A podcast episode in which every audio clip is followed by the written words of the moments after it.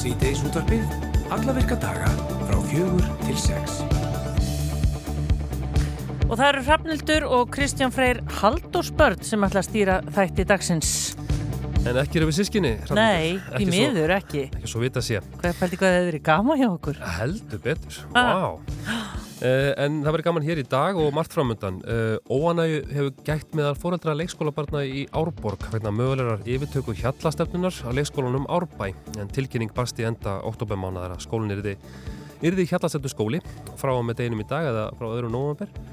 Uh, skortur á upplýsingagjöf var þá gagnrindur og að börnin yrðu á nokkurs fyrirvara tekin úr því umhverju sem þau þekkja. Frangvandastöri hjallastöðunar er Bóas Hallgrímsson og hann segir okkur nánar frá þessum breytingum hér á ettis. Rítumundurinn Eiríkur Ört Nordal hann gaf dögunum út uh, bókina Náttúrulögmálinn og fagnaði útgáfunni í kjálfarið með hófi á byggðarsafli vestfjörða á Ísafjörði en Eiríkur er búsettur fyrir vestan og hann let sér þó ekki næja heldur rauk af staði heilmikla, upp, heilmikla upplestrarferð þar sem 32 áfangastæðir verða á leiðans í ringverðinni og Eiríkur er lendur á borgarfyrði Istri eftir hrakningar á Íðstöðum í gær og við viljum að ringja hann og hann ætlar að segja okkur nánar frá þessum ævindirum sínum hér á eftir. Jú, uh, niðurstöður nýra rannsóknar sem að næri til um 65.000 fulluruna einstaklinga hér á landi, Svíþjóð, Danmörku og Nóri einnig, benda til þess að alvarleiki veikinda völdum COVID-19 sjúkdómsins sé ákvarandi þáttur um hættuna á langvarandi líkamlegum einkennum þeirra sem síkjast. Rannsóknin var unnin innan COVID-ment rannsóknarstarfsins og niðurstöðunar byrtust í dag í vísindatímaritinu The Lancet Regional Health Europe. Og Tór Aspelund, prófessor við miðstöði í heilsu vísindum við Háskólu Íslands er einn þeirra sem kemur að þessari rannsók hann kemur til okkar um þetta og þetta var vist ekki alveg í dag sem þetta byrtist, það er einhverju dagar síðan en, en það breytir ekki öllu. Nú, lús í lagseldi Arctic Fish í tálknarfyrði fjölgaði mikið í oktober og samkvæmt nýju fréttum á rú.is þá segir sérgrunleiknir hjá MAST að jafnmikla lús hafi ekki, jafnmikla lús hafi ekki áður sérst hér á landi. Veiga Gretastóttir er Kaja Græðari og náttúruvendarsinni. Hún var í tálknarfyrði í lóksíðustu viku og tók upp myndbönd af degjandi lögsum og förgun sem ásist stað hjá Arctic Fish. Myndbönd Myndböndin er hægt að sjá á Facebook síðu veigu og það er einnig umfjöllun um málið í nýjustu heimildinni. Við ætlum að heyri henni og henni veigu, hún er semst á leiðinni til Reykjavíkur að vestan. Ætlaði að reyna freistæðis að vera komininga en nærði líklega ekki og við ætlum að spyrja hann aðeins út í þessi myndskeið en það er nokkur tími liðin síðan að hún fór á staði að taka myndir í sjónum og undir yfirborðið þar sem að ímislegt ókvæmlegt hefur komið í ljós. Tja, segi segi. Og loks kemur til okkar að venju Alli Fannar Bjarkarsson með miðugudags með með og spennand að sjá hvað kemur upp úr þeim hatti í dag. Emið það. En við ætlum að byrja á þessu.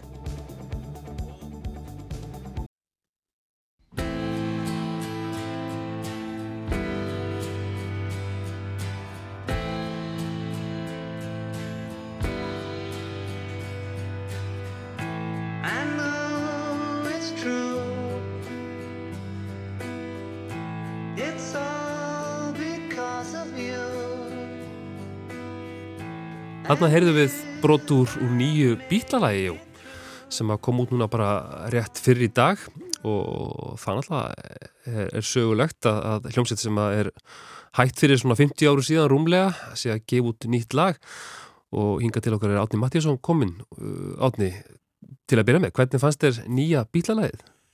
Já og hvernig finnst þér? Fyrstu viðbröð? Já, sko, ég hérna þetta er nú ekkit aðeinslegt lag Ekki þeirra besta? Ekki, ekki, ekki þeirra besta, þú veist, bara, það er náttúrulega bara gaman að heyra þetta, gaman að heyra þetta lag og mm. gaman að heyra hvernig þeir hafa gert þetta svona náða að draga, draga út gaman, mm. gamalt ótt og gera þetta nýtt en, en þetta er bítlalag. Þetta er kunnulega stef? Já, já, já, já. fínt stef og, og, og þú veist, þetta er ákveðt slag en, en sem sagt, ég er bítlafann, ég var mm. reyndar í, í gengi hérna í, í hlýðunum í gamla daga þar sem maður var baristuð að hverju verið betri bílættinni Rolling Stones og hérna ég var í Rolling Stones genginu með bræðri mínum en mér hans bílættin alltaf miklu betri sko. Ah, var þetta þá feimnismálið það? Já, Nei. ég vildi ekki vera lamin En þeir eru alveg óhatt núna já, sagt, já, hérna já. í stúdíónu En átni bara svona forsaðan að því hérna þessu, þessum fundi Sko þegar að hérna náttúrulega sko John Lennon tók upp demo árið 1977 tók upp á kassetu mm. Og þegar að Anthology var gerð, þegar þeir fóru að gera Anthology, stóra sapkassan 1995 6 Já. já, 95 já. að þá fenguður þá fekk Pól kassettu þessast orginal kassettuna með þessum þremur demóm frá Jóko Já, og þetta var það að John að spila á píanóið. Og það voru þrjú lög þarna, það var börn, já. Real Love Mhm. og svo var þetta lag náandan Já, en málið með hérna sko Fríasa Börn og hérna það var allt í lagi og Real Love það var allt í lagi, það getur notað það. En hérna upptakan af þessu, að píanóið var svo onni í röddinni mm. að þeir eiginlega ekki unni með það því að það var náttúrulega bara tekið upp sem demo þetta var ekki tekið upp sem eitthvað sem að vera hægt að nota í upptöku sko svona hann er bara stök að rás. sitja, já, hann er að sitja bara og spila píanóið og syngja onni þannig að þeir byrjuð á þessu sín tíma þegar þeir voru að taka upp Anthology þá byrjuð þeir að vinna þetta lag, þetta líka, þetta náendan en gáðust upp á því Einmitt. og þá voru þeir, þá voru þeir þrýr sem sagt, Ringo, George og Paul Já. og maður þarf ekki að segja eftirnumna, allir vita hvað er já. síðan sérst líða árin og svo hérna 2021 þá er gerð þessi hérna Get Back. Já, þessi þættir þættir, að heimildaþættir sem hann Einmitt. gerði þarna hann Jackson. Peter Jackson sem að gerði hérna Lord of the Rings. Það, þá skelviluðu myndaserju en það er, það er önnu saga. Og hann hérna þróaði í raun og veru með sínu tæknumunum nýja tækni að draga fram að því að sko í þessu gömlu myndtökum sem til voru frá því þau voru að taka upp Get Back. Það var ekkert að heyra hvað þið sögðu þú heyrði bara svona óminnaði en þau þróuðu tækni til þess að draga fram notuðu svona hvernig gerða gerfigreind til þess að draga rattirna fram þannig að það var hægt að heyra hvað þið voru að tala um. Einmitt. og síðan þegar svo kemur Revolver út sem er besta bílaplatan að mínum já, eða kannski Rubber Soul eða Revolver, ég get ekki alveg gert upp um millera Með sleggjudóma hérna alveg, Já, já, alveg hægri vinstri. Já, já. en sagt, þessar bestu bílaplötur voru koma út hana, hún kemur út uh, núna 2022 já, 2022 og hérna, og þá var fullt af aukaefni alls konar aukaefni og demo og svona sem var með, þetta voru held ég þrjári eða fjóra plötur, ég man það ekki, original mono mixið sem er besta mixið og svo stereo mix líka og þar notuðu þeir þessa tækni til þess að geta náð soundin en þá betra. Og ef ég útskýr þessa tækna aðeins, eh, eh, við getum útskýrt það svona. Segjum svo þú sett með, þú ert nýbúin að baka köku. Og ég sagði, æ, veist, mér langar ekki þessa köku, mér langar að baka öðruvísu köku. Þú getur tekið kökuna í sundur. Þú getur tekið kveitið úr henni eggin, smjörið skilju allt, sapnaði allir saman hérna í, og svo byrjaði að setja saman nýja köku og þetta er raun og veru svona, það má lýsa tekník til þannig, það geta dreigið út röddina, píanóið eða það verið gítar, geta dreigið þetta allt út á sérstakar rásir. Og þá er þetta að fara að vinna með að gera nýja hluti. Einmitt. og það er þannig sem þessi tækni notur til dæmis með þetta, þeir, þeir ná að skilja að píanóið og röddina. Mm þannig að maður heyri röddina og hún er alveg tær og fín þá er, þá er hérna komið sönglina og ég veit hver melodíin er, þá getur við fyrir að búa til lag Eða baka nýja köku. eða baka nýja köku, já. Einmitt. og í þessu tilfelli þá vildi svo til, sko náttúrulega George Harrison er náttúrulega líka löngut á henn, hann dó 2001 Einmitt. en þeir áttu gítaparta sem höfðu verið teknir upp way back þegar þeir voru að gera anthology þannig að það var til smá gítapartar frá George Mm. þó að reynda slætgítarin í læginu Já. er reynda spilaður af Paul bara svo að þessi, ég, Já, ég já. fletti ofan að því ég er að nó að af Paul en þeir gáttu notað þess að gamla gítaparta þannig að þetta er, þetta er í gæðsalöpum allir bílarnir eða ekki, eða ekki, þetta, ég getur sagt það sko Það er komið Þó að- samspil þeirra allra. þó að söngurinn hafi verið tekið um 1977 og, Já. og, og gítaleikurinn hérna 1995 skilur þá, þá er þetta sem sagt þeir allir En þeir spila þarna nýja parta eða, eða Jú, þeir setja strengi í, í og- melodíuna og. Og þetta er raun og veru lægið sko, þetta er Já. orginal lægið ef maður heyri demo, þetta er í raun og veru orginal lægið bara búið að setja kjött á pinni. Já. Heldur að verði séu fleiri demantar sem finnast Nei, í? þetta Er, það er ekki til meira. Það Það, voru til þessi meira. trjú þarna Mhm. á þessar kassettu og nú er það búið. Já. Og nú geta það bara dáið. Nú, einmitt, þetta var lokalag. Þetta var lokalag, bara. Einmitt, já, akkurat. Og hvað heldur að framtíðin byrja skjótu sér, Átni? Heldur að við fáum fleiri svona dæmi um að- að að Já, sko, þegar, fallið fólk komið ný lög? Já, sko, ég hef opaslega gaman að hlusta á mjög gamla músík Já, sem er tekin upp í mjög frumstæðar aðstæður Mm. og oft tekin upp, þú veist, og það er brak og brestur og læt og ég hugsa alveg bara, vá, heyrðu, það er að nota þessa tekni Mm. til að reynsa það upp. En svo fær maður bakfanga, eða fær maður timbursmiðinni, svo halda lagsneskallaði það, hérna, en býtu, er þetta ekki bara partur af sögunni að heyra brakið og brestina? já, Er það ekki bara, segir það okkur, okkur já, þetta Mm. er gamalt og þetta á þetta ekki að samta þannig? Ég veit það ekki. Ef þú komið góða köku þá viltu ekki endilega fá einhver glassúr krem eitthvað Akkurat. og það er vant fyrir tennunar Eða ekki heyra lagi? Við skulum endilega heyra lagið átni og takk fyrir að skýra þetta út fyrir okkur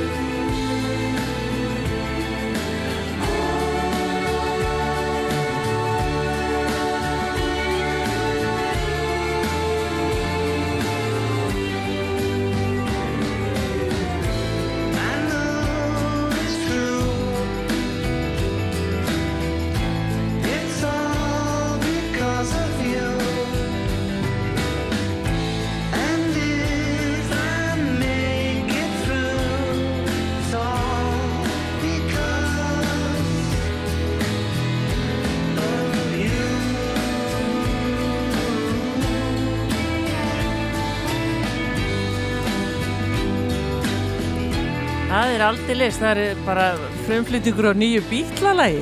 Ekki Ha. bjóst ég við því að ég myndi sitja fyrir hljóðveri rannundur Nei. og kynna nýtt lag með bítlónum ég, hérna, ég held að það væri alveg búið Átni sagði sko, þetta er ekkit sérstætt. Ég, mér finnst þetta svolítið, er ég Já. kannski aðlæðið á tónlist, ég veit það ekki. Mér finnst þetta gott, mér finnst þetta líka bara þetta eru algjör tímamót bara Já. Fylgstu með Rás 2 á samfélagsmiðlum. Flettu upp Rúfrás 2 á TikTok. Rás 2 Fyrst og fremst.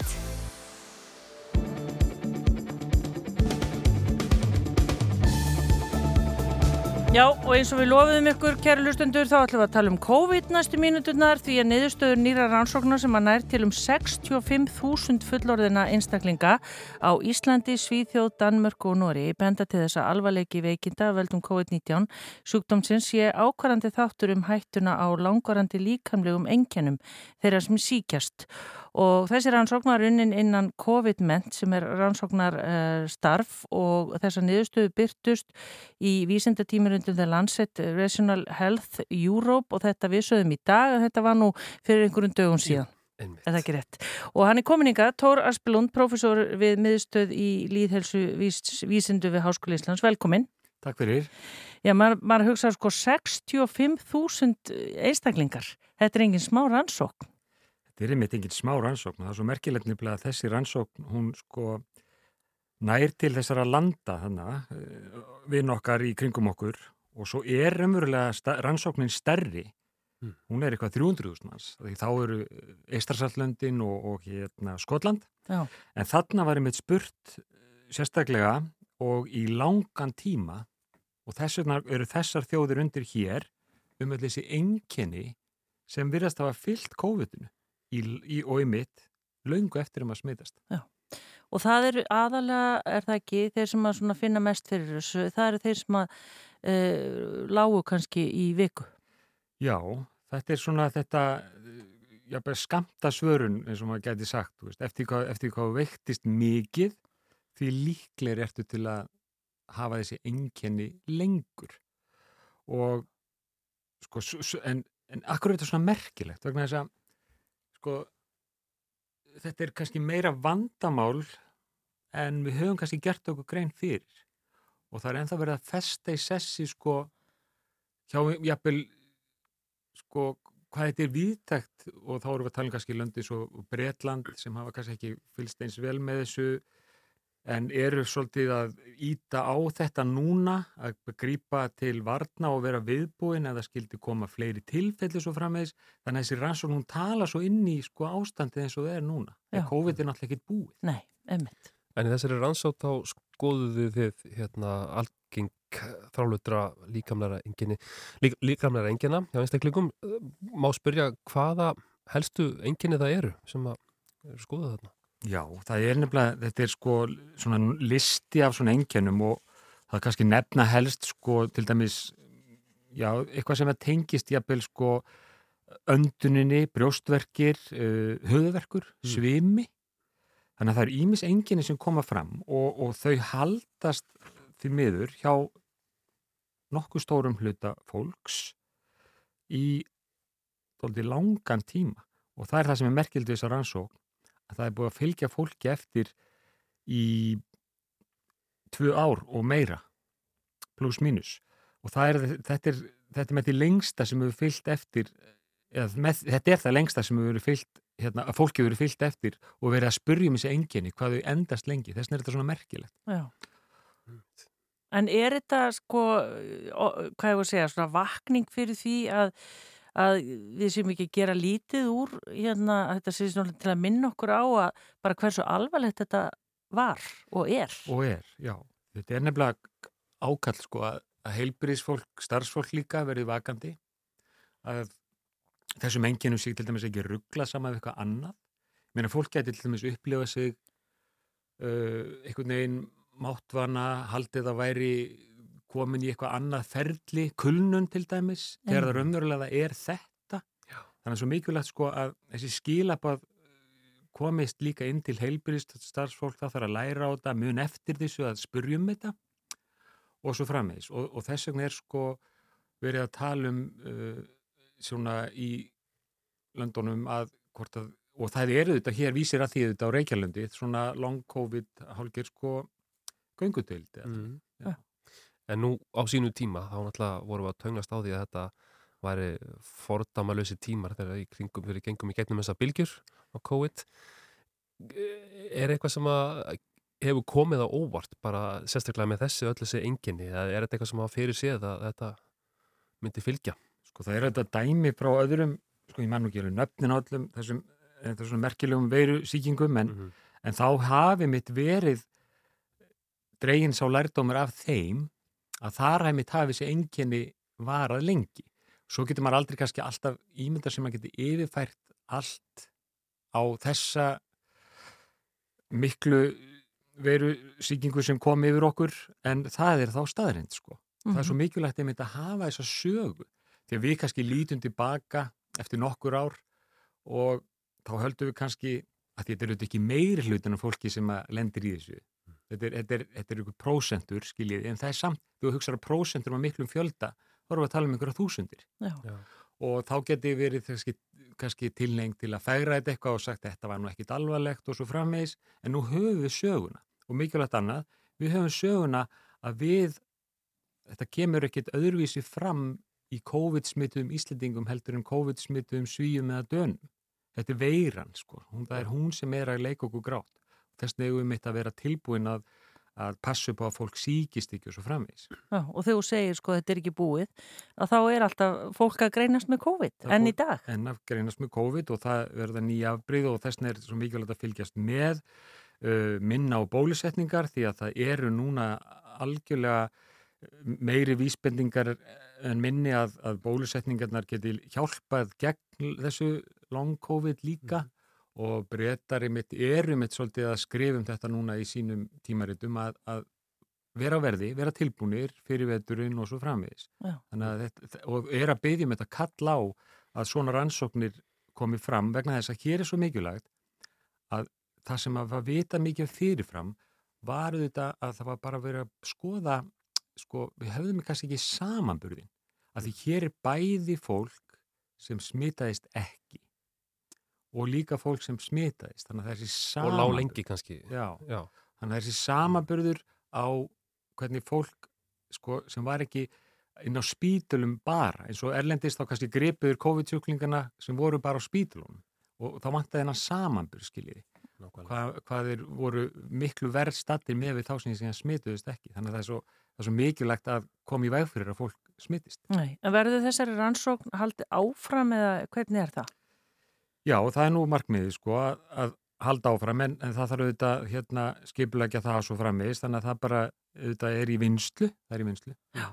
áður en við sleppuð þér Tór þá vorum við rannildur að tala um þetta bara núna fyrir í dag að ég til dæmis held að ég hafi fengið einhvers konar ó, hérna, greiningu eða COVID á þess að fá greiningu menna ég núna í sumar og, og þar var þrálótur hausverkur svona helsta sem ég var að eiga við er einhver svona þráður í, í því sem að þið hafið tekið eftir að, það, það er mitt stemmir, það er einmitt einn af, ein af þessum engjönum sem að Mhm. því miður virðast geta enst í, í daldið langan tíma Já.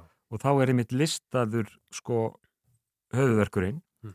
og sérstaklega kannski hvað var að segja já, 0 til 5 mánuð eftir, eftir hérna eftir smitið sko 0 til 5 mánuður. Já, þannig að þetta er bara, getur verið alveg upp í fimm mánuði og svo aðeins dvínar þetta en svo er fólk ennþá kvart undir þessu upp undir sko tvö ár.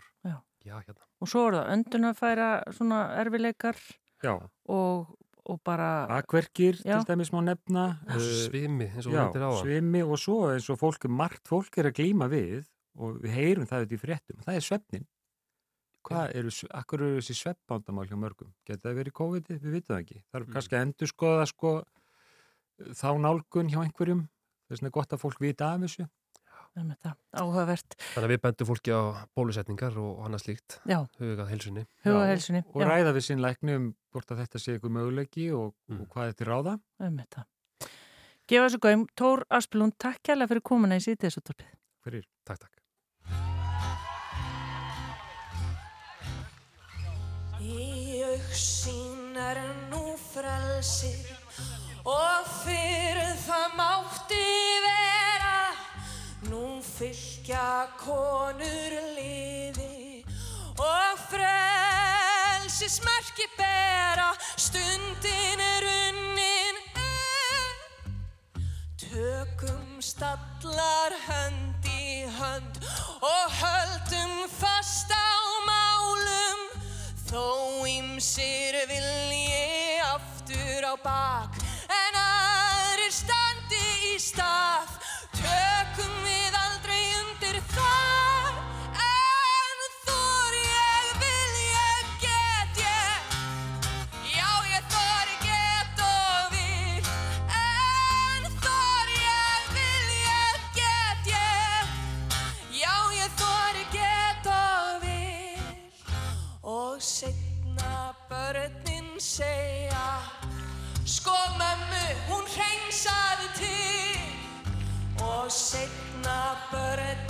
say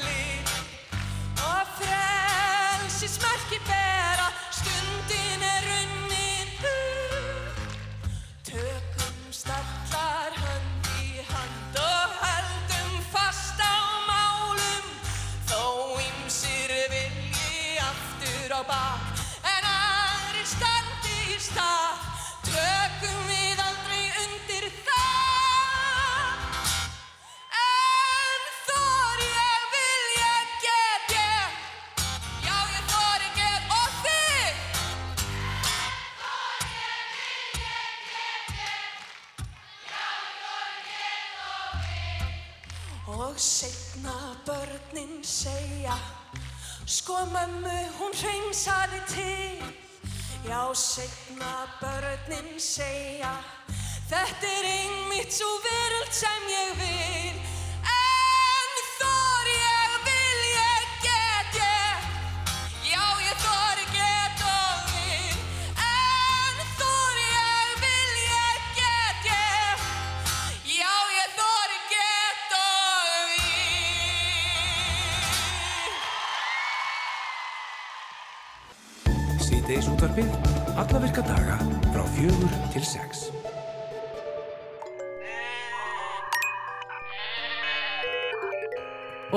er 50 dagur eins og fólk hefur væntalega átt að segja á og það er auðvitað með með vikunar og dagskrá hjá okkur eins og alltaf. Allir fannar, hvað ætlar að bjóða okkur upp á í dag? Já, það er góð spurning. Uh, mér finnst alltaf skemmtilegast í þessum uh, lið þegar við erum svona með þessi hefðbundu með mig. Það stundum fyrir aðeins út fyrir ramman, gerum hitt og þetta, en svona, en, en svona orðabókar skilgjörningin á mým eða með mig er svona þegar eitthvað er tekið og fólk svona setur í samingi við, við sitt eigið líf, eitthvað, eitthvað, eitthvað brotur myndi eða þætti eða, eða bara ljósmynd og þú notar hana til að tólka einhverja tilfinningu. Og, og í þessu núna erum við með eitt svona nýtt með mig sem að þar sem við erum að endur eitthvað kvikmynd sem að heitir Diary of, Diary of a Wimpy Kid frá árinu 2010 og við skulum bara fá að heyra hvað ég er að tala um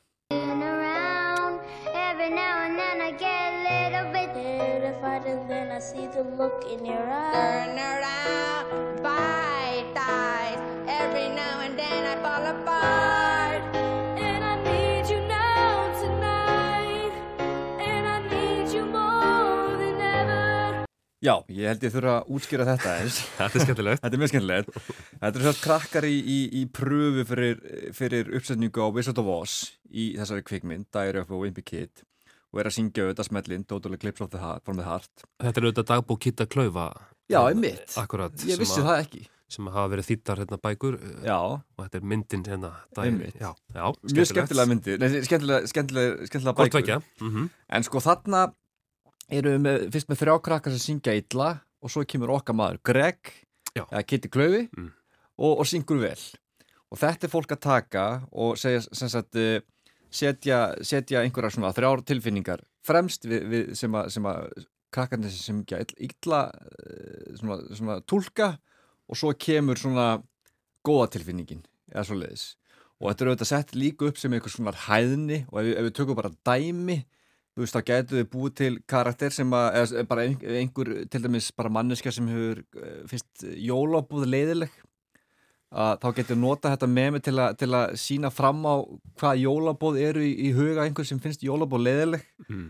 og þá sagt kannski kemur slæmur söngvari og, og þú skrifar sko skemmtilegar umræður sem, auðvitað- sem er slæmur söngvarinn þannig að þýðir að séu ekki skemmtilegar umræður uh, svo getur verið góð stemming það getur fundist alltaf leiðileg stemming í jólabóðum Mhm. svo kemur þriðji söngvarinn sem var líka mjög slæmur hotlu matur, þú veist þetta bara að vera tróð, að salt og sigur og allu pakkin og svo kemur góða söngvarinn sem er sína það sem er raunverulega í gangi í jólabóðunum og, og þá getur það verið sko til dæmis uh, óþægilega spurninga frá eldri frængum veist, og það er það sem raunverulega gerist. Eða fulla frænkan já, já, já, eitthvað. já, eitthvað svoleiðis. Þannig að hann ertu búin að svona, svona sína hvað þér finnst um jólabóði gegnum, gegnum meðmið og mér, þetta er svona, mér finnst þetta mjög skemmtilegt og þetta, þetta er sem sagt þetta er eiginlega mjög, við erum mjög mikið með puttan og púlsum þessu sinni, en þetta er eiginlega verður ekkert að með mig fyrir bara í síðasta mánuði bara um miðjan oktober Já.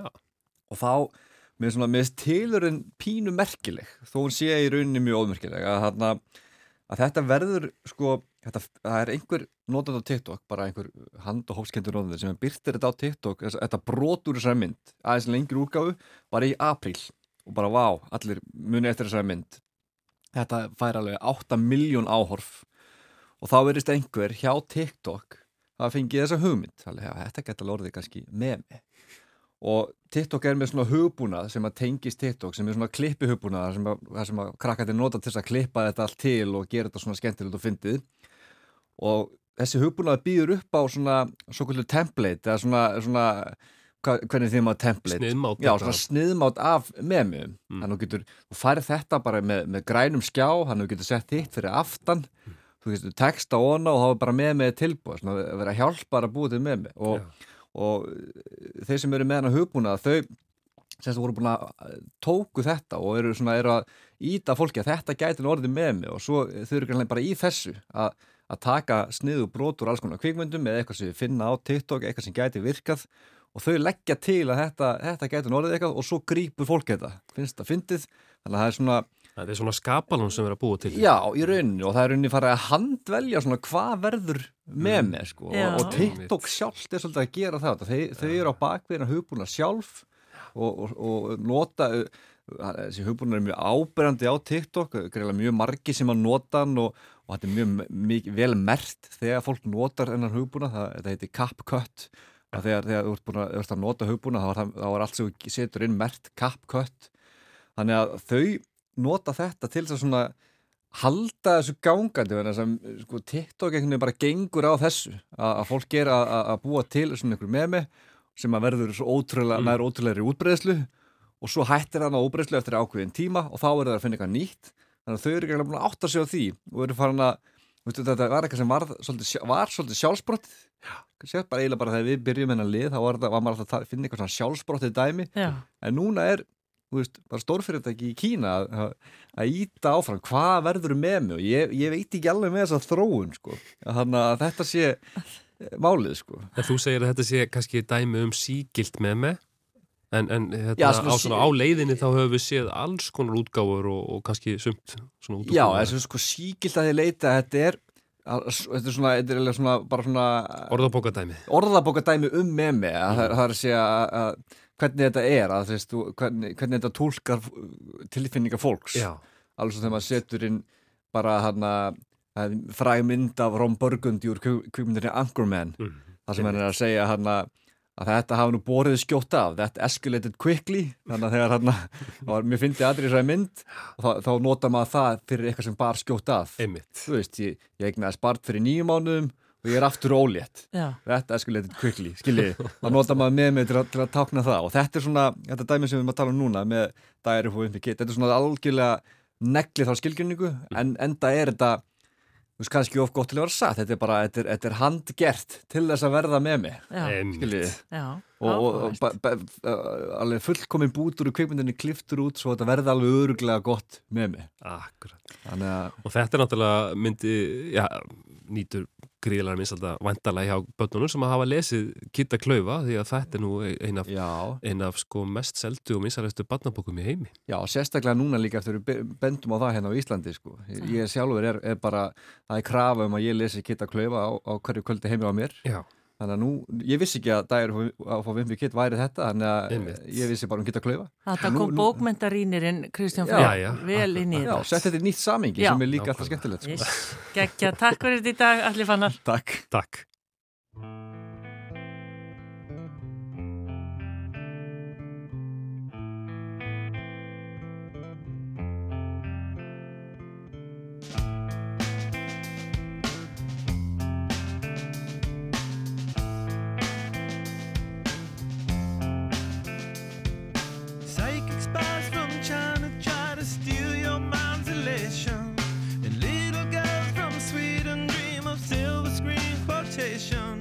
And if you want these kind of dreams, it's Californication.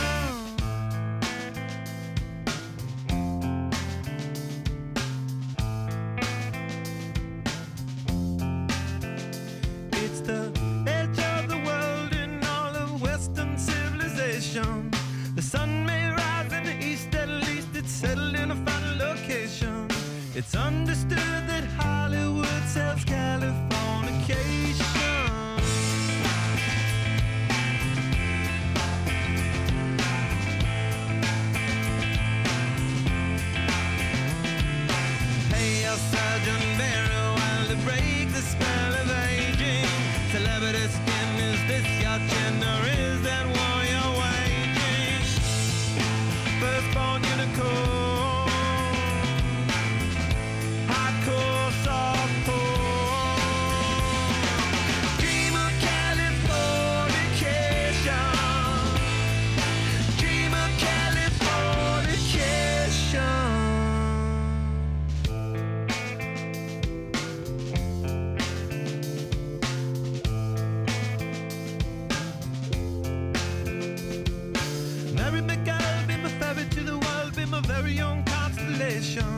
A teenage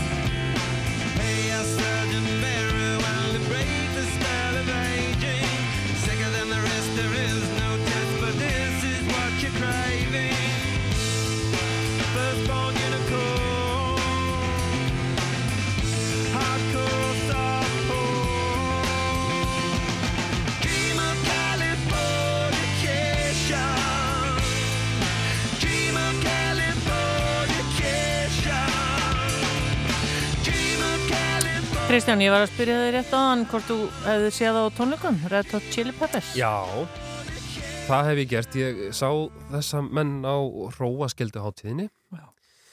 Hvað er hann séð? Það var mögulega 97. ef Nei. Hmm. og bara jafngóðir þá og þeir eru bara Já, hafa alltaf verið jú, hvað? jú, akkurat. Þeir náttúrulega voru hérna á þessum tíma með afa stórar plötur og fengu fullt af nýjum eirum. voru búin að vera lengi Mm. En það er þessi plata sem kom úr svona held í 91, 2 eitthvað, Blood Sugar Sex Magic en þetta er náttúrulega nýra lag sem við spilum. En það voru allir, ég og allir hinnir gestir Róaskildaháttíða sem að mættu á þessa tónleika. Var drullu svað eða var gott við Já, herri, þetta var nefnilega drullusvað Já. Já, alveg ofsalega erfið tónleikar og enduðu með sko Leningrad Cowboys á síðasta atriði ef ég maður rétt uh, með kóru og öllu tilrænandi og þá hérna það heyrist alltaf í hlóðkerfinu fyrir þrum og það var þrumur og eldingar og það var drullusvað all, alla hátíðina en það var fellega gaman Já.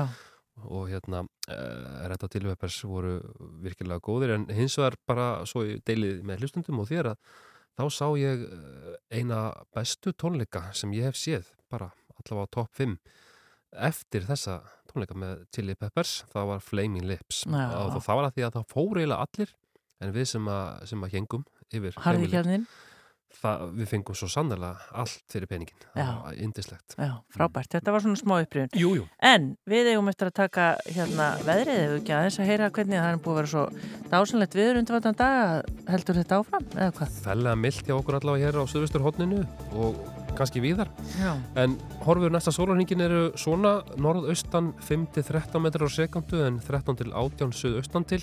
Skúrir eða jél á norður annars bara yfirleitt bjartviðri. Hægar á morgun en bæti svo aftur í vind síðdegi svo fyrir að rigna fyrir austan annarkvöld Mhm. hiti yfirleitt 0-6 stig að deginum en, en víða nætufrost Ma, ég fór snemma, morgun, snemma í morgun. Í ræktina. Já. Og þá hérna, bara svo ég komið þið að þá hérna, þá var svolítið sleift hérna, þá var svona komið smá svona Já. smá jél nei, jél svona hél hél. já, Já. hél, þetta það sé orð. Já, hérna hér. Þú ert örgulega betri í heldur en ég. Já, en þannig að þú varst allavega hérna, þurftir að fara varlega já, sko launhálkan, hún er hættuleg. Ég ætla bara, ja, einmitt, munu það.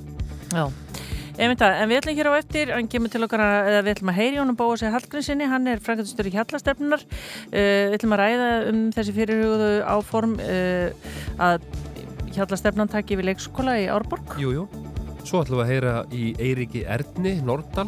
Hann er búin að vera á upplestrarferð um all land með bók sína Náttúrulögmálin og er núna held ég fyrir austan, borgar fyrir eistri. Já, og svo ætlum við að hringja líka í hana vegu Gretarsdóttur sem er einmitt á, eins og ég sagði á annað leiðinni að vestan, en hún hefur verið að taka myndir í, í og fyrir ofan sjóin og undir yfirborðinu og allt þetta og búin að gera í langa tíma og það voru ekki fallega myndir eða myndskeið sem hún byrti á Facebook síðu sinni fyrir einhverjum dögun síðan frá hérna lagseldinu í Tálknafyrði og hérna aðeins að tala líka bara við hana um þetta ferðarlega hennar uh, á kajak uh, og að taka myndir og allt sem hún hefur séð og upplifað. Algjörlega. Gaman að tala við vegum. Já, allt hér eftir smástund í síðdöðsúttöfnu á Rástöð.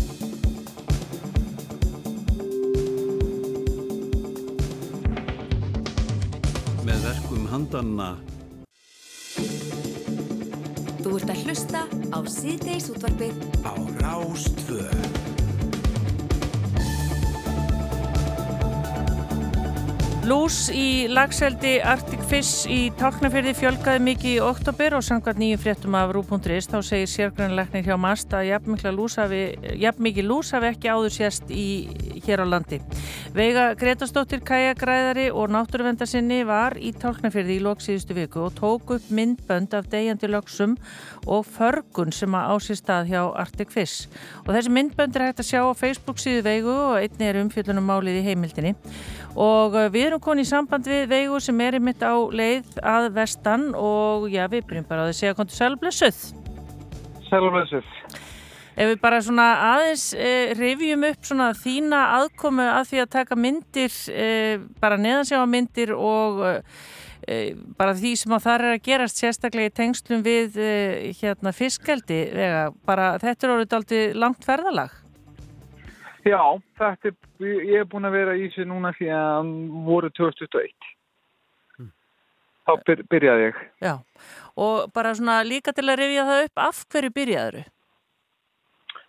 Það var, þetta byrjaði allir hringverðin, ég var róar hringin kringum Ísland 2019 að, að þarna þegar ég sá hvað Ísland var fullt af örysli og þá fór ég að láta með umhverfismál vastnæsna og svo var það hérna einn daginn sem ég var róar með kvíin þá sá ég döða fuggla í, í netinu hlýðanetunum fyrir ofan kvíjar og ákvaða að kíkja þess og þá fór ég að sjá illa útlítandi fiska og fór að skoða fleiri staði og, og, og hérna síðan þá er þetta bara búið að verða alltaf meira og meira hörmungasaga.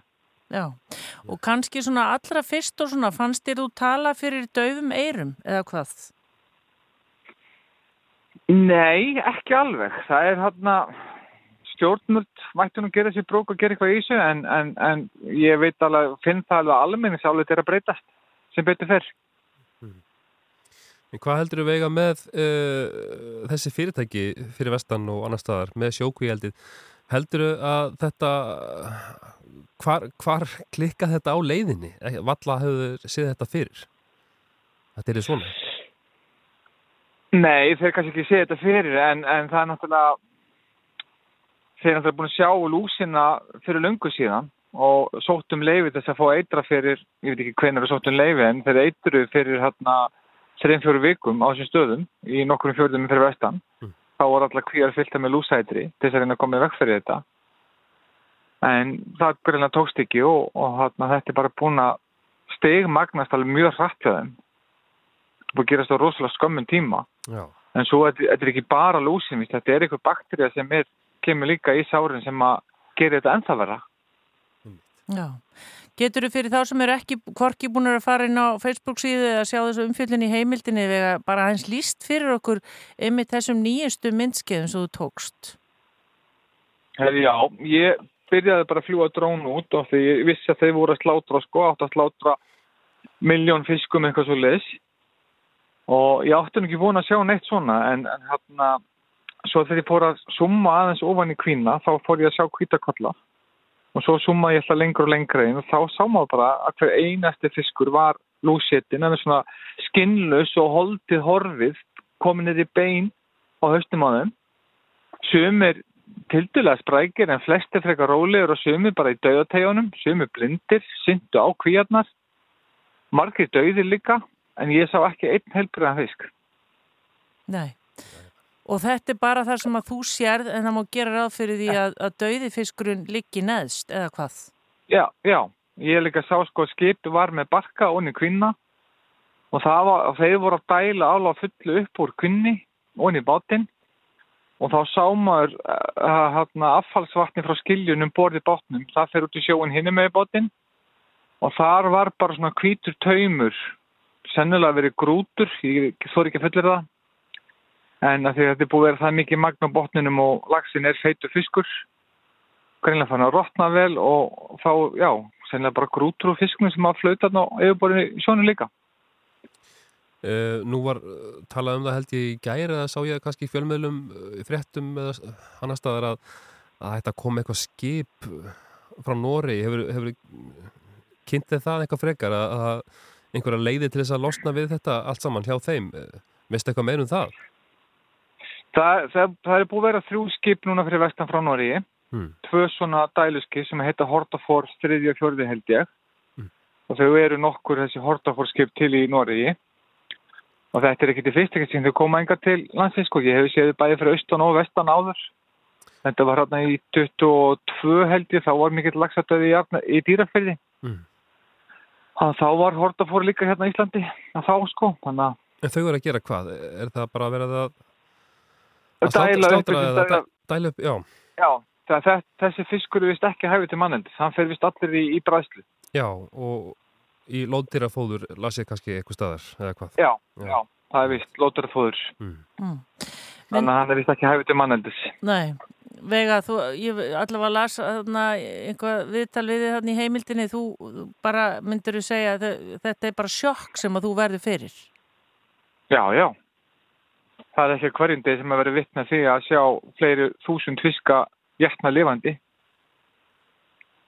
Ég held að, að þarna það er allt brjálaði samfélagin ef að það byrtist, myndi byrtast myndir af búfinaði sem var með þetta höfuð.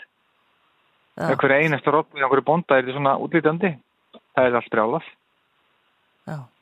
Hvort sem það er búfinur eða þú veist kjúklingar eða hvað þið er. En að skepnundum þau ganga um það. Hvað hérna fyrir þá sem eru áhuga samir, það er, er það ekki, bendur ekki fólki bara inn á þína heimasíðu, eh, hérna Facebook síðu?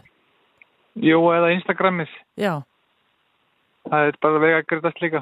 maður það bara að undirbúa sér vel ef maður ætlar að sjá þessa myndir. Já. Já, það er greinlega Já, það var einhver dýralegn, dýralegn, norsku dýralegn sem segir það. Hann har ekki séð svona myndir í 30 ár. Nei. Víða pottubrótin. Já, við að pottu pottin. Rétt í lokin, eh, hvernig er færðin eh, til, hérna, er það, er það leiðinni til höfuborgarinnar? Já, hún er bara fín. Smá hálkublettir en, en bara fín farð og þokk aldrei öður. Já, einmitt það. Þá segjum við bara gangið vel eh, hérna restina ferðinni vega Greitastóttir og takk fyrir spjallið. Farðu varlega. Takk sem við leist. Já, Gerð það. bless, Takk. bless. Bless. Bless. Á leiðinni heim, síðdeisútvarpið. Frá fjögur til sex á Rás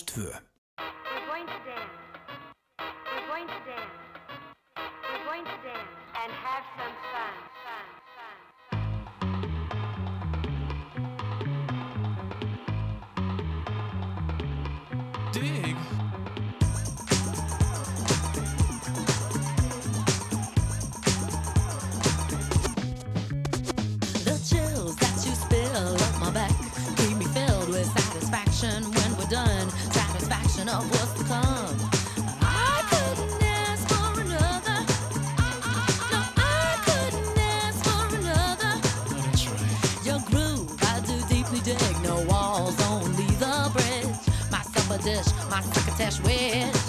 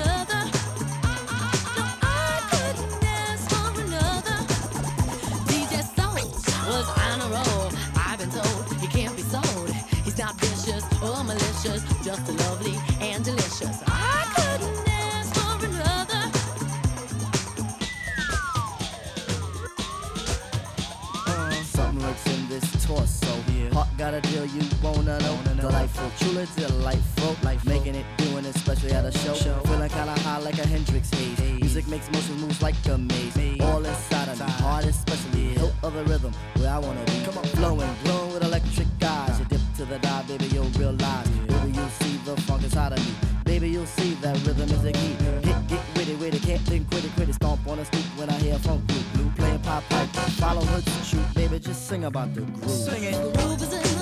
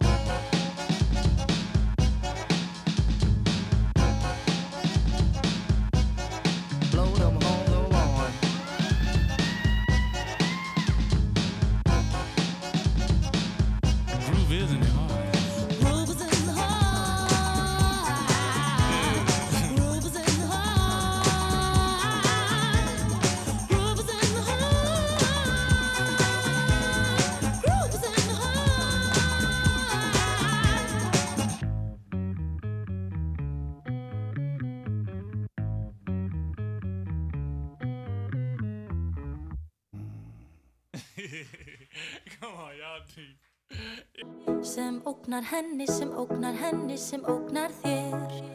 Sem ógnar henni, sem ógnar henni, sem ógnar mér. Sem ógnar henni, sem ógnar henni, sem ógnar þér. Og þú ógnar mér og kannski ógna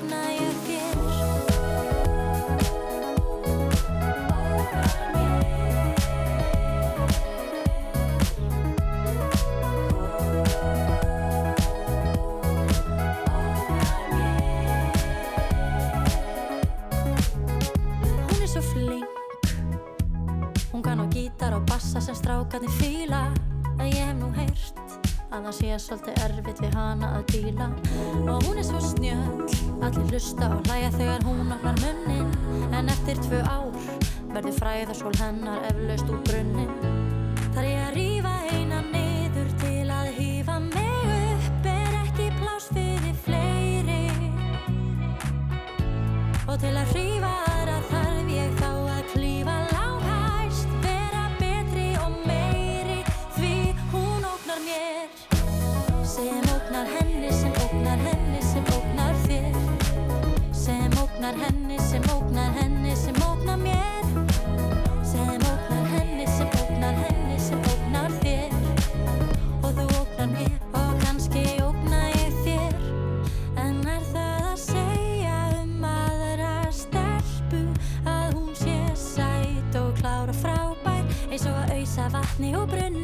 með takmörkuðu vatni.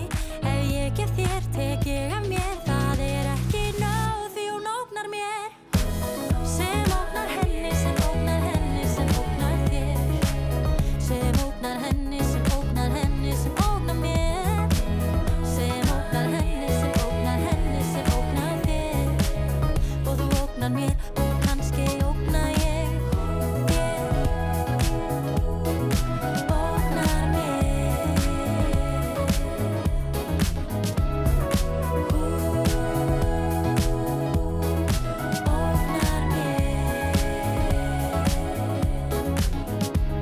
Er hljóðstur flott og lag sem heitir Hún ógnar mér. Og það eru þetta að byrja risa veistla í eh, Reykjavík og við eruðum náttúrulega verið það í poplandinu áðan, þau voru að senda út frá Keks, Siggi og Lófisa. Jú, frábært hérna lifandi frettarflutningur frá keksinu í dag frá Sigga og Lófisu okkar.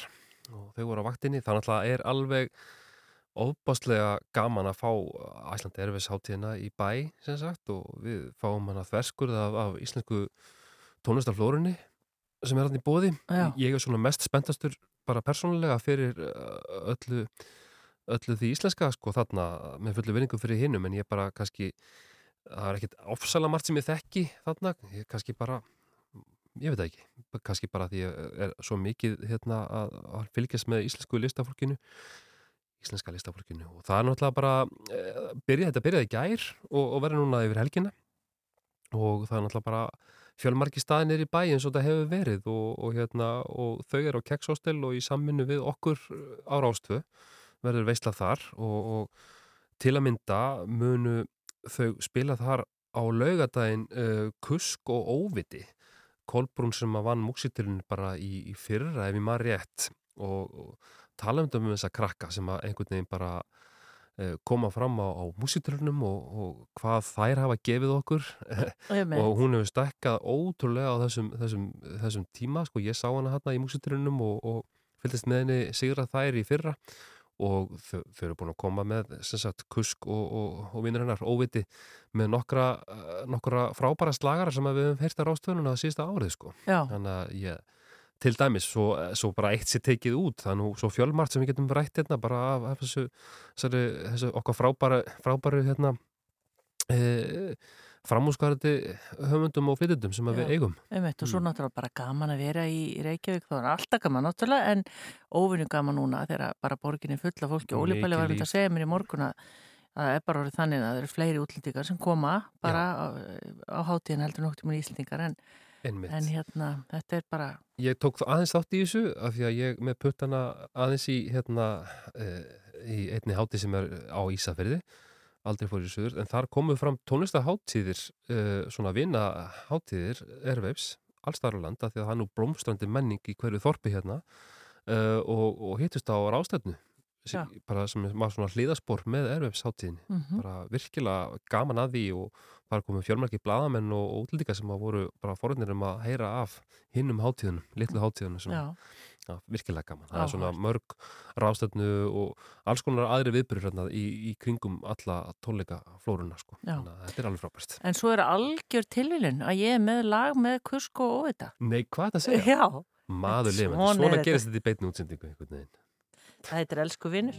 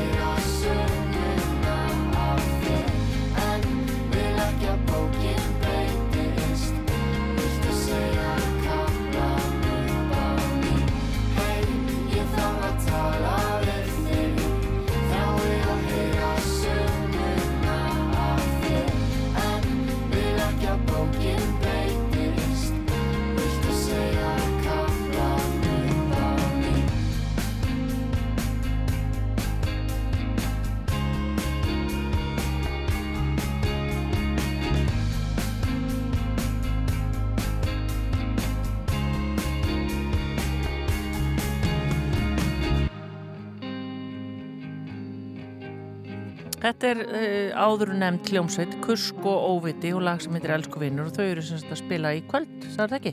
Á lögataskvöld. Á lögataskvöld, á keks. Á kekshostel, ekki missa því. Nei. En við höldum áfram með síðis útarpið. Uh, Óanægi hefur gætt meðal fóreldra leikskólabarna í Árborg vegna mögulegar yfirtöku hjallastefnunar á leikskólanum Árbæ en tilkynning barst núna í enda óttobæmánaður um að skólinn yrði hjallastefnu skóli. Uh, skortur á upplýsingagjöf var þá gagnrindur og að börnin yrðu á nokkus fyrir var að tekin úr því umhverju sem þau þekkja. Uh, Bóas Hallgrímsson, hann er frangværtastjóri hjallastefnunar og er á línunni. Uh, Bóas, ég nefni hérna skort á upplýsingagjöf í ingangi en það var eitthvað bætt úr því í gæri eða hvað á fundi. Jú, vissulega. Góðan daginn og gott að heyri ykkur. Það var vissulega fundur með foreldrum þeirra barna sem eru í þessum tíða skóla, Árbæ, í gær. Það sem að fulltrúa sveitafélagsins og hjartastefnar heldu stuttakynningu og, og hérna tóku við spurningum.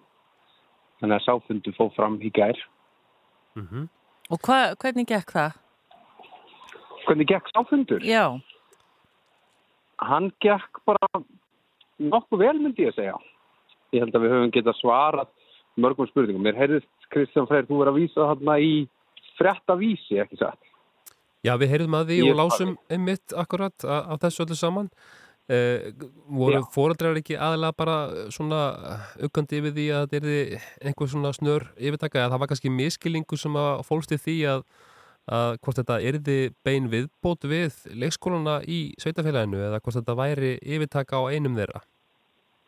Jú, það heyrði ég í fyrsta sinni í gær sem sagt. Við óskuðum eftir því, við erum búin að eiga gott samtal og uppbyggilegt við fulltrúa sveitafélagsins og uh, höfum og svo sem í gegnum tíðin átt fengið fyrirspurnir frá foreldrum í þessu sveitafélagi um það hvort að hjallastefnan sjáu sér fært að hefja starfsemi þar. En það sem ég heyrði á fundinum í gær var að foreldrar sem að svöruðu viðhorskonnum sem send var út í foreldra allra leikskólabatna í sveitafélaginu um það hvort að það ætti físilegt að bæta við fjölbreytileika í skólastarfi. Eh, en í þeirri könnun sem sagt var talað um viðbót og þar held ég að merkurinn málsins sé, það er svona kærli málsins að foreldra lásu það sem hver sem, sem annan leikskóla. En ekki að hjallastefnum tæki við þjónustu samningum leikskóla sem þegar er í starfsemi. Já. Nei. En skilur þú þá þetta, hvað ég að segja, þennan ótt á foreldra að þetta einhvern veginn yrði bara kert í gegn og upplýsingagjöf væri ekki næg, heldur að það hafi verið raunin? Ég hef þetta alltaf samúð með því. Þannig erum við að tala um börn á leikskólaaldri og ef það er eitthvað sem að fóreldrum er andum og standa vörðum þá ætlum ég að vona að það séu börnum þeirra. En að því sjóðu þá hérna held ég að það séu öllum börnum holdt að, að hérna, upplifa hjallastefnuna en mér finnst það að auðvita fyrst og fremst alltaf að eiga að vera val fóreldra og annað sem að koma upp sem sagt var miskilingur sem að ég uh, las um í þessari tíðu frétt uh, var að hjallastefna ætla að koma bara inn um mánaðamót og taka yfir skólan. Svo er aldrei ekki heldur uh, verður hjallastefnan innleitt á næstkomandi skólaári í þessum skóla. Þannig að nú verður bara uh, fræðsla og samtal við foreldra og ég vona svo sannarlega að flest foreldra, flestir foreldra og, og börn þeirra finni eitthvað samhljóm í, í þessari kærleiksmiðu stefnu sem hjallastefnan er. En þá hefur fólk líka möguleika til að velja sig frá skólanum og aðrir af honum. Mm Hva, hvað er annars hjallastefna komið með marga leikskóla þar að segja fyrir utan höfuborgarsvæðið? Sko það eru 15 leikskólar í það heila og þar af eru 5 utan höfuborgarsvæðisins. Ja, það er svolítið eftir hvernig við skilgjum er svona sem koncept er að stækka svolítið. En þetta eru sem sagt, uh, það eru 17 skólar sem að hérna stefnum rekur í dag. Þar að veru þrýr grunnskólar og, og svo eru leikskólar, 14. Og þetta er þá 15. Þannig að það er kannski búið að bæta úr þessum upplýsingaskorti eða, eða kannski einhvers konar miskilningi sem að varð úr og, og hérna og að þessi hugmyndafræði hjallasönduna verði þá innleitt á, á nýju ári eða á næsta, næsta haust þá eða hvað? Já, næst komandi sem sagt skólaári. Þannig að frá með 1. ágúst þá fer hjallastefnan í innleðingu. Mhm. Fram að því munum við bara eiga samtal við starfsfólk, við uh, foreldra og aðra sem áhuga að hafa á leikskólamálum um hjallastefnuna og kynna okkur og kynnast fólkinu í sveitifélaginu. En innleðingin á hjallastefnunni uh, verður ekki fyrir en þá. Það sem að fólki dettur auðvitað fyrst í hug, svona fyrstu hugræningatengsl fólks það kemur að hjallastefnunni eru skólafatnaður og sitt sýnist hverjum um það. Við lítum sem sagt á hjallastefnun, eða sem sagt á fött barna hjallastefnunar sem svona vinnufött og jöfnuna tæki, það er þá ekki metingur um fatnað. Það er ekki korparsveitaðinn og, og Liverpool og, og svo framvegs. En hérna, svo er það þetta kynjaskiptingin Já. og sitt sýnist hverjum um hana líka og, og hérna, og við leggjum opaslega mikla áherslu á það að kynjaskiptingin er ekki markmið, heldur er hún sem sagt verkfæri og öll börn af öllum kynjum hittast í, í blöndun á hverju meinastu degi. En þegar að um er að ræða svona beina hópatíma þar sem er verið að vinna með tiltekkin verkefni og með eldri börnum er verið að fara jafnvel í, í svona hefðbundari kennslu, þá gerist það í, í, sagt, á drengja og stúlnakjörnum og þau börn sem ekki finna sig innan þessar kynjatvíekju í samstarfi þeirra fjölskyldu er bara valið hvar þeim líður best. Akkurat. Hvað, Bóas, þegar við heyrðum í þér hérna aðeins fyrir í dag, þá varst þú í heilmikill dagskrá. Uh, uh, samtök sjálfstæðra skóla, er ekki einhver, er ekki einhver dagskrá hjá ykkur í dag og, og því náttúrulega eru hluti af þeim samtökum, hjallasæðan, eða hvað? Jú, vissulega, við erum hluti af SSSK eða samtökum um sjálfstætt farandi skóla Einmitt. og í dag er dagur skólastjórnendans innan e, okkar samtaka, það sem að skólastjórnendur alls þar á landinu sem að eru að starfa sjálfstætt, Mhm. koma saman og við fórum í heimsókn í landakottskóla í dag og frættum þar um, um hérna, þeirra starf og þessa alþjóðlegu deild sem þar er sem ég var að kynast svona formlega í dag sem mér var starfskaplega spennandi fyrir fyrir hérna börn sérfræðinga og börn og sendiráðum og svona börn sem koma og hafa stutta dvöl á Íslandi, er bara eitt til tvö ár og fara svo aftur á landibrott þá þurfa þau að hafa svona lendingu og, og, og stökkpall aftur út í kerfið Einmitt. og svo fengum við hérna kynningu frá Mem Play sem er opnu leikskólanir og verandi nýlega fluttur heim frá Svíþjóð þá, þá finnst mér stórkoslegt og þetta sé að að skjóta rótum á Íslandi samfélag fyrir fóreldra sem eru í fæðingarorlofi eða, eða kjósa að senda bönni sín ekki leikskóla, þau getur komið saman og rætt við fagfólk og, og átt söngstund og næsti stund með börnunum sínum Mhm. þannig að við erum búin að eiga alveg dásamlegan dag við heyri kannski hérna ég brá mér hérna út Já. af okkar fundi Já. Rétt á meðan við tröflum þig. En þið er allavega að stöðla að, að, að, að fjölbreytni á leikskóla og stíi og hérna og, og hérna þið haldið því bara áfram. Já, ég, á meðan að fólk treystir okkur til þess að taka þátt í því, þá verður við til staðar og, og okkar starf hefur gengið bara alveg afskaplega vel. Og hérna, ég er afskaplega stoltur af okkar skólastarfi og bara af því að það sé orðin meiri fjölbreytileiki fyrir fóreldra um skólaval. Og fyrst og fremst gott samtal meðal starfsfólks og foreldra og, og allra eins og heyri, eins og við heyrum af þér, frá þér. Það er allavega það sem við leggjum upp með og ég harma það sem sagt að það hafi orðið miskilningur í sveitafélaginu Árborg með þetta. Við vinnum innan hjallasefnar eftir sem sagt ákveðinu svona grunn hugmyndafræði og megin regla eitt í okkar starfi eru börn og foreldra þeirra sem þýðir að við vinnum alltaf eins náið og við best getum og þarna get ég alveg uh, gengist í því að við hefðum átt að eiga dýbra og meira samtala áður en að áður en að þetta fór út til foreldra en þó var búið að senda viðhórskönnun og en, en maður getur alltaf lært Akkurat. maður getur alltaf lært að gera betur Það er rétt, Bós. Ertu, bara rétt í lokin, ert þú í skólabúningi núna á, á vinnufundunum?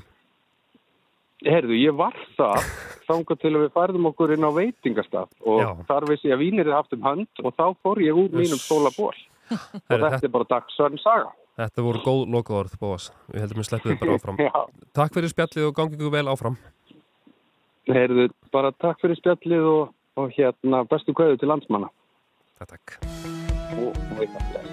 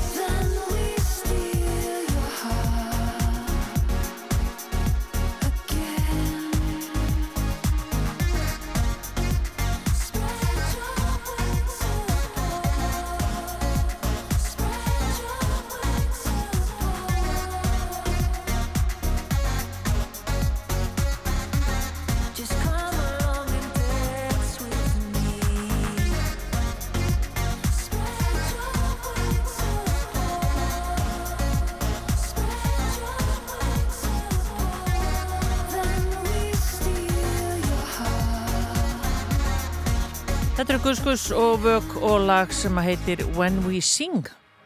Jú, uh, rithöfundurinn Eirikur Örn Nordal gáði á dögunum bókina Náttúrulögmálinn og, og fagnaði útgáðinni og viðhundi hátt með útgáðu hófi fyrir vestan þar sem hann býr á Ísafirði en uh, let, let sér það ekki næga og fór af stað í heilmikla upplæstraferð og við erum komið hérna með Eirik á línuna. Eirikur, heyrur í okkur? Ég heyri ykkur, sannlega. Hvað er þetta stattur núna? Hefði ég er hérna á bara sem ég held að sé fallegasta bæjarstæði landsins. Ég er borga fyrir Eistri. Stór orð fyrir vesturringin að segja þetta. Já, Nei, það verður, hérna, það verður að fara mjög langt á íþjóðfyrir líka til að finna fallegasta bæjarstæði, sko. Ég held ég komist ekki lengra heldur en yngað, sko. Nei, ég, við getum tekið undir þetta við Rannildur, það er afskaplega fallegt þarna. En þú ert að fara að lesa upp á bókinniðin í kvöld og ert búin að koma víða við.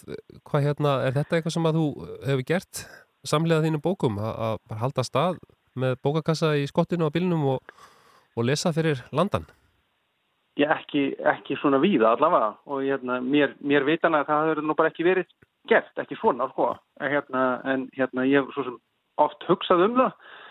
Og svo fannst mér bara einhvern veginn ráð núna, mér fannst ég hérna, hvað segna, ég bara, þú veist, með rosa einhvern veginn, ég er búin að leggja alveg ótrúlega mikið í þessu bók. Og hérna, og þegar ég kláraði hann einhvern tíman í vora, þá var ég alveg svo úrvind að tuska og svo kvildi ég mig og þegar ég var búin að því að þá hugsa ég þurfti ég eiginlega að leggja eitthvað líka í, í sjálfa útgáfuna. Og hérna, og þá fór ég að svona, ég fór að nefna þetta bara svona við, við fólk og svo áður en ég vissi að þá var ég byrjað að bóka þetta. Og þá var ég náttúrulega í sjálfur sér svona fram eftir hausti í fremur svona viðstöðulösu kvíðakasti að, hérna, að ver, veðrið er því, ég sá fyrir mér eiginlega ég kemist kannski á Bíldudal með hefni og svo sætti ég bara fastur þar hérna, og kemist við heimti mín með, með vorunu sko. en, hérna, en, en sem betur fyrir þá hérna, hefur nú verið mikið degra við mig með þessu veðri það verið alveg ótrúlega fallegt ferðarveður Já. allan tíman hinga til allavega Og, og hvar ertu að koma fram eða að lesa úr bókinni?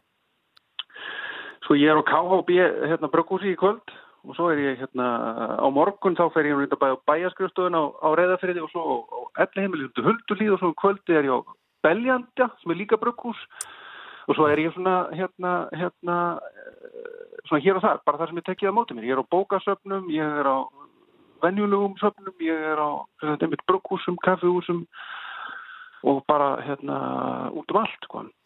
Og hva, Þetta er náttúrulega mismunandi eftir stöðum líka hvað er hægt að vera. Sem staðir er kannski ekki nema eitt staður sem Já. er opinn. Sko. Við nefndum hérna í yngangi hérna fyrir að þetta verið 32 áfangastæði sem ég las nú bara á, á síðunniðinni á netinu en, en greinilega fleiri, þannig að þú bara Já, ég held viðreist. að síðan næstum því 40 sko, Einmitt. samanlagt. Hva, hérna, og hvernig hefur gengið, bara svona í stöttu máli og, og hver, hvernig hafa viðbröðu verið? Bara mjög vel sko, það hefur verið alveg æðislega gaman. Það er, náttúrulega, þú veist, það er misvel mætt og það er líka bara mjög misvel mætt í sjálf bæjarfélagin Mm -hmm. og hérna, þau þau eru ekkit öll mjög stór.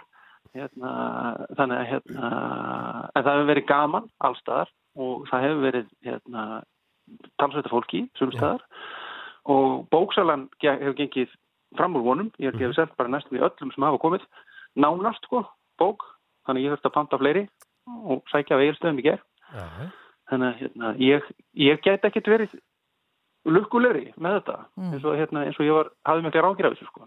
En er þetta kannski bara svona, hefur þetta ein, verið einblýtt ómikið bara á kannski höfuborgarsvæði þegar það kemur að svona upplistur og bókum?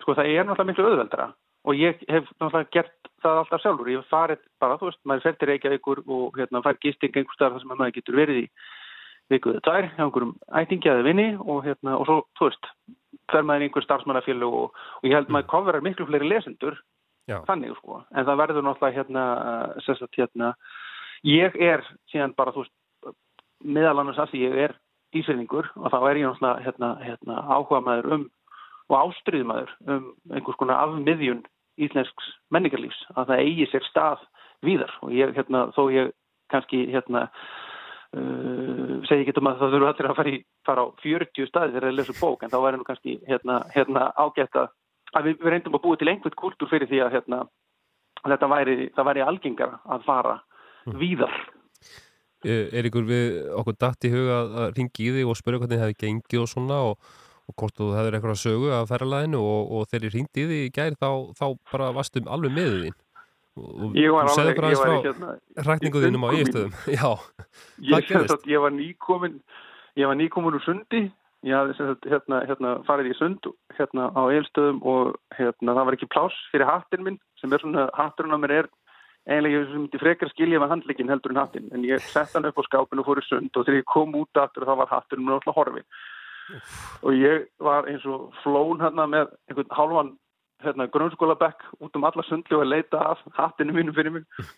Og hann fannst ekki og þegar þú hringir þá var ég komin inn á N1 að hérna, hérna var einhvern veginn alveg ónýtur maður að borða einhvern mjög vondan mat og einhvern veginn leið alveg hræðileg yfir þessu öllu sem hann en svo þess að hérna svo gerist það aðeins setna og mér var hérna, hérna ég fyrst var hérna ég fór, fór, fór, fór leiksýningu og ég fór þar inn og með því fór það hérna, ég er kannski að hlaupa út ef síminn myndir hringja, þú þú voru símtal frá lauruglinni frá hringdi síminn og ég hljóp út og hljóp beint á hérna leikmynd, hljóp á svona foss og hérna ég er með svolítið gróður og það var það ekki sinni lauruglan, þetta var bara kona mín að hérna hringja til að vorkina mér að hafa kynnt hattinum.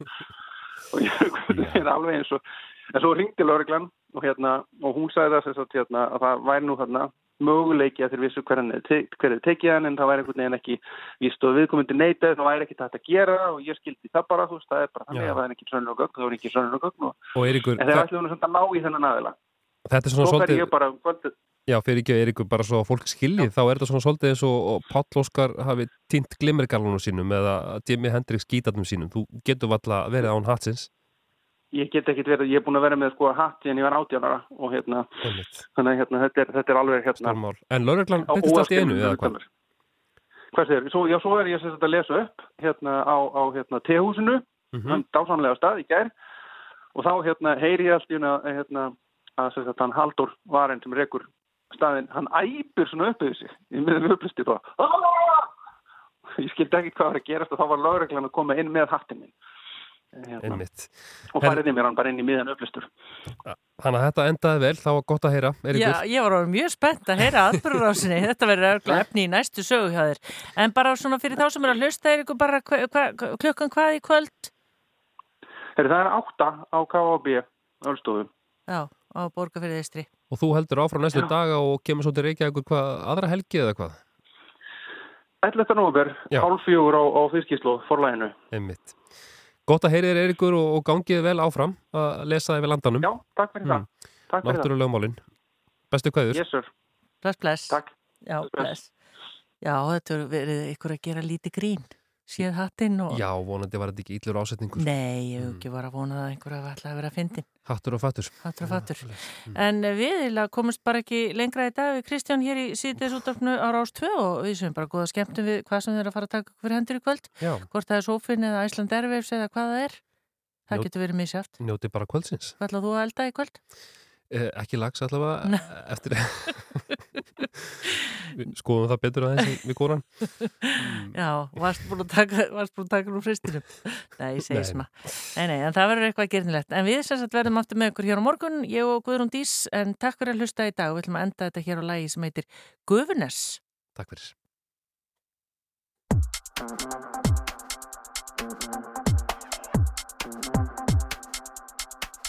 Stend á móti þér,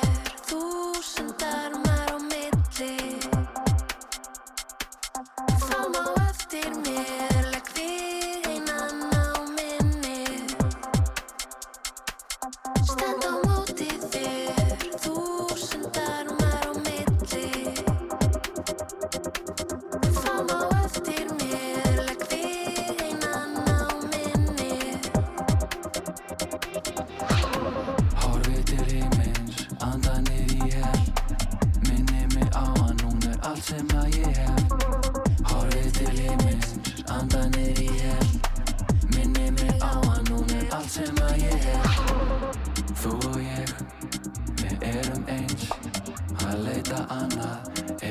ekki til neins. Hættu handina, þú ert hér. Ég skal sína þér allt það sem ég er. Þú og ég, við erum eins. Að leita annað er ekki til eins Hættu höndina, þú ert hér. Ég skal sína þér allt það sem ég er